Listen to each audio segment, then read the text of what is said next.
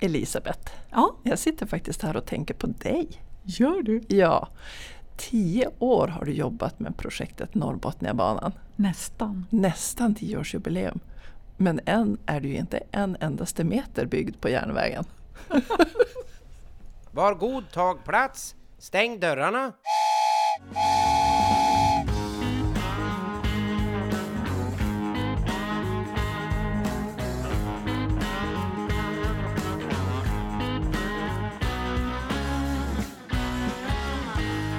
Hej och välkomna till podden En bana tre spår. Mitt namn är Eva Lundqvist och jag är kommunikatör för Norrbotniabanegruppen. Och vid min sida har jag Elisabeth Sinclair, projektledare för Norrbotniabanegruppen sedan 2009. mm. och Norrbotniabanegruppen, vi kanske ska förklara. Vad är det för en grupp? Alltså det är ju en intresseorganisation som har funnits sedan 1999 där samtliga kustkommuner från Umeå ända upp till Haparanda ingår. Och så har vi med oss Region Norrbotten, Region Västerbotten och näringslivet. Och eh, det kan ju tyckas att jag har jobbat länge men som jag sa så har ju den här intresseorganisationen funnits i eh, ja, 17-18 år ungefär. Och intresseorganisationens uppgift det är ju att eh, berätta om behoven av banan och de mervärden som banan kommer att ge framöver. Och eh, det här är ju ett ganska långsiktigt arbete för det är det när man jobbar med infrastruktur. Mm. Eh, och man tänker ju det har varit många år eh, bakåt i tiden men om vi ska blicka framåt i tiden Elisabeth. Ja. Eh, banan är byggd. Hur, hur, hur går dina drömmar? Åh, att, jag slipper, att jag slipper färdas på E4. Alltså tänk dig att bara liksom lite spontant kliva på tåget i Umeå och så på under en timme, 45 minuter är jag i Skellefteå och så kan vi träffas. Ta, Ja en, men gärna. ja, ta en kopp te. Eller Och kaffe. Ja, just det. Mm. Och sen bara fortsätta upp till Piteå där jag har mamma och pappa och syrran. Och sen så kan man göra en liten utstickare till brorsan i, i Luleå också. Idag, ja du vet hur det är att köra på E4, är Mhm. inte roligt. Nej, just den här sträckan mellan Umeå och Skellefteå är ju specifik. Fruktansvärt. Ja, eh, faktiskt världens tråkigaste sträcka om jag får hitta på det nu själv. Ja, jag tror också att det är så att den har blivit åtta minuter längre för att man har sänkt hastigheten på vissa delar just bara för att öka säkerheten. Mm. Men det gynnar ju inte precis studie och arbetspendling, kompetensförsörjningen och tillväxten.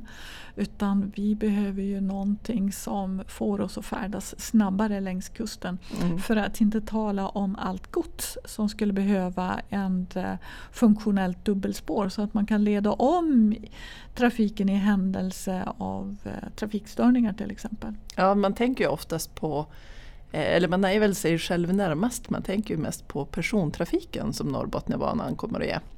Ja, Men det är ju en hel del gods precis. också. Men de har ju inga röster. Nej.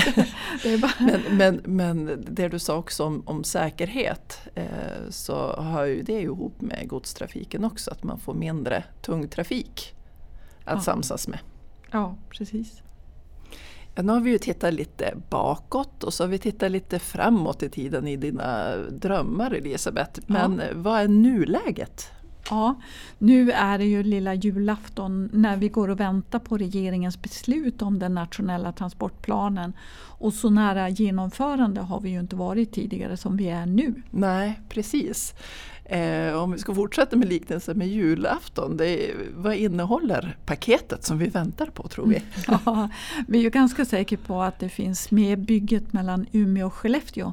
Men vi vill ha lite till. Ja men det är väl som det brukar vara på julafton. Ja, precis. Men det finns med på vår önskelista i alla fall. Men det kan vi prata mer om i det första riktiga poddavsnittet som vi har döpt till Mammas pengar. Ja. Vi kanske ska gå in lite djupare varför det heter Mammas pengar. Ja, alltså det är ju egentligen Moder Sveas pengar. För banan kostar ju en hel del att bygga men den ger ju enorm samhällsnytta också. Mm. Precis, och det är ju det första avsnittet men totalt har vi ju tänkt oss fyra stycken eh, poddavsnitt till Almedalsveckan som är första veckan i juli. Ja, Eh, För det här är ju som ett för, föravsnitt. En tjuvstart. En tjuvstart, precis. Och eh, dessa poddavsnitt eh, tänker vi ju även följa upp på våran blogg på norrbotniabanan.se. Ja, vi räknar med att det kommer att finnas grejer som vi behöver följa upp efter varje poddavsnitt. Mm. Och när jag nämner eh, webben så kan jag ju nämna också vår kampanjsida byggnorrbotniabanan.nu. Ja, för nu är det valår och vi vill ju redovisa vad, var politiken står i frågan om Norrbotniabanan. Och det här ska ju också vara en hjälp för er att rösta rätt och rösta för Norrbotniabanan. Men det är ju också så att vi vill eh, att ni ska kunna ta del av all information som sägs för att vara ambassadörer för Norrbotniabaneprojektet. Ja, och så sitter du just nu och funderar på någonting så får du ju hemskt gärna höra av dig till oss på info.norrbotniabanan.se om du har några frågor. Ursäkta, men nu kan jag inte sitta tyst längre. Vill ni veta vad jag som lokförare drömmer om? Jag vill ha dubbelspårsfunktion. T tänk om E4 var enkelspårig, då skulle det bli oreda. Säg ett åk från Luleå till Skellefteå. Varje gång du får ett möte måste du ta en kisspaus. Varannan kilometer är du tvungen att köra in på en rastplats för att släppa fram motgående trafik. Du, det är 14 mil mellan Luleå och Skellefteå. Det blir 70 kisspauser. Förstår ni vad som ska hända? Hela Norrland ska utveckla stressblåsa. Lasaretten ska bli överbelastade med traumatiserade småkissare. Snacka om att skapa samhällsproblem! Därför behöver vi nya spår. Och du, du kanske tyckte det är jobbigt att dra husvagnen från Umeå upp till Piteå havsbad. Du, då hör jag att du inte kämpat i Järneträskbacken. Det är en mardröm. Jag har 90 meter stigning på 5 kilometer med ett Eiffeltorn på vagnen. Så kom inte och gnäll över en liten husvagn eller att det är svårt att backa med släp. Elisabeth, Ja, det, det jag satt och funderade på tidigare här. Ändå tio år i projektet Norrbotniabanan och inte en endaste meter är byggd. Vad är det som driver tåget Elisabeth? Alltså, jag har ju haft förmånen att få vara med om bygget av Botniabanan. Så min målbild är ganska tydlig. Spår på backen och de fantastiska mervärden som Botniabanan har fört med sig. Tänk er när Norrbotniabanan är en del av er vardag. Det är ju helt fantastiskt. Så att det här ska vi ju verkligen föra med oss norrut. Mm, och vi hoppas ju att du vill vara med på vår resa. Jajamensan. Ha det gott, hej! Hej då! Klockan är slagen, var god tag plats, stäng dörrarna.